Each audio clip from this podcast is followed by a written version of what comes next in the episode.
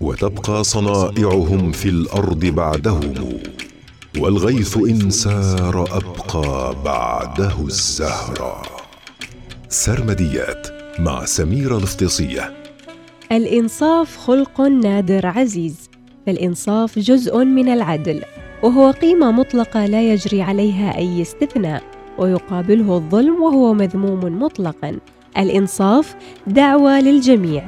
أنصفوا أنفسكم واعملوا على إنصاف الآخرين لكي تصبح الحياة مشرقة وجميلة ومسالمة. في سرمديات اليوم عن الإنصاف فيقول أحد الشعراء آخي الكرام المنصفين وصلهم واقطع مودة كل من لا ينصف. ويقول الإمام علي رضي الله عنه مع الإنصاف تدوم الأخوة. وفي كتاب المزامير سطر يقول احكموا لليتيم والفقير أنصفوا البائس والمسكين. ويقول ابن حزم من أراد الإنصاف فليتوهم نفسه مكان خصمه.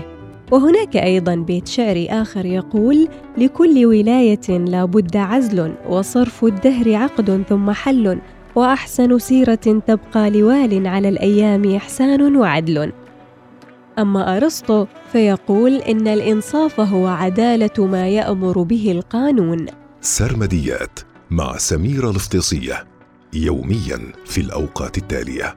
العاشرة وخمسة وعشرين دقيقة الخامسة وعشرين دقيقة الواحدة وأربعين دقيقة.